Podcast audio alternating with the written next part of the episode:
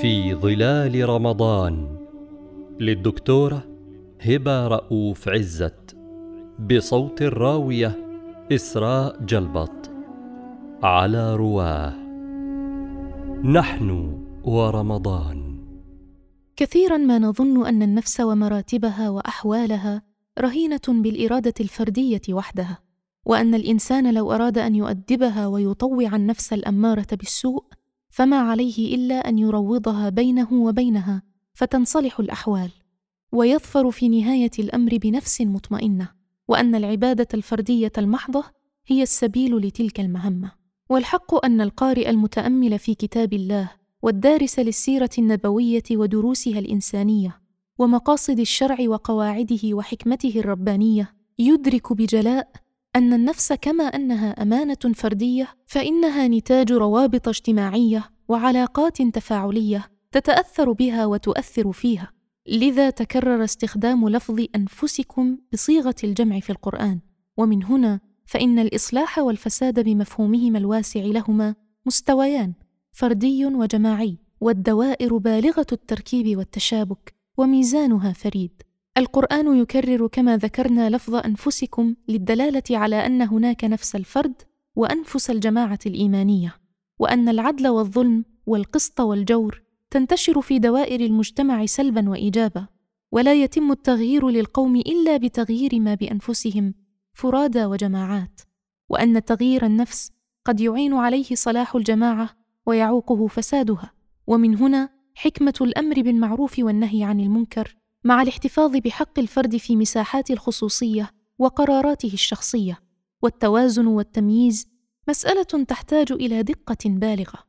لذا وصف الله الشرع بالميزان فإذا اختل ضاع العدل. والجماعة ليست فقط مجموع الأفراد بل عالم الأشخاص في تفاعله مع عالم المؤسسات والأحداث والعلاقات.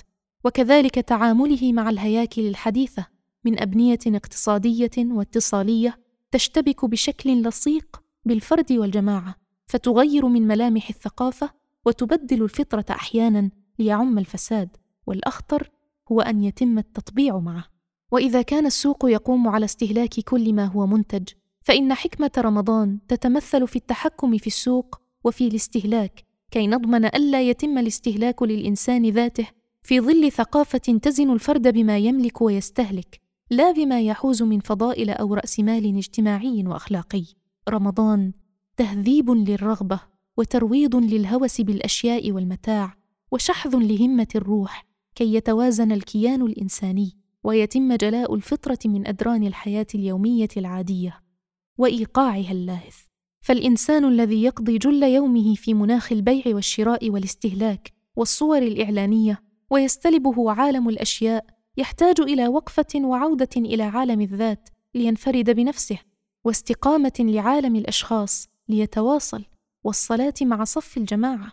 فالروح التي أغرقتها المادية الطاغية تطفو وتشرق مرة أخرى بالذكر والتقرب إلى الله بالطاعات.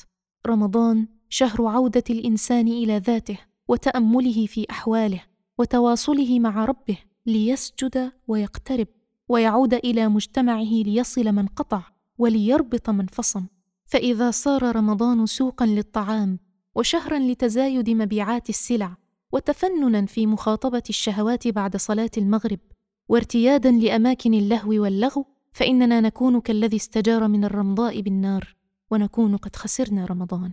رمضان أيضا فرصة لأن ننفرد بأنفسنا. ففي ظل سباق جري الوحوش عادة ما نستيقظ لنقفز إلى الشارع نسعى ونكد من أجل لقمة العيش. نغالب الحياة وتغالبنا. ونعود لنتابع تفاصيل الأمور الأسرية ودروس العيال ومشكلات الجيران والأقارب.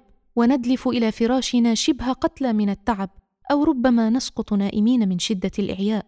فتفوتنا في كل يوم فرصة الجلوس إلى النفس وطمأنتها. ونغترب عن ذاتنا.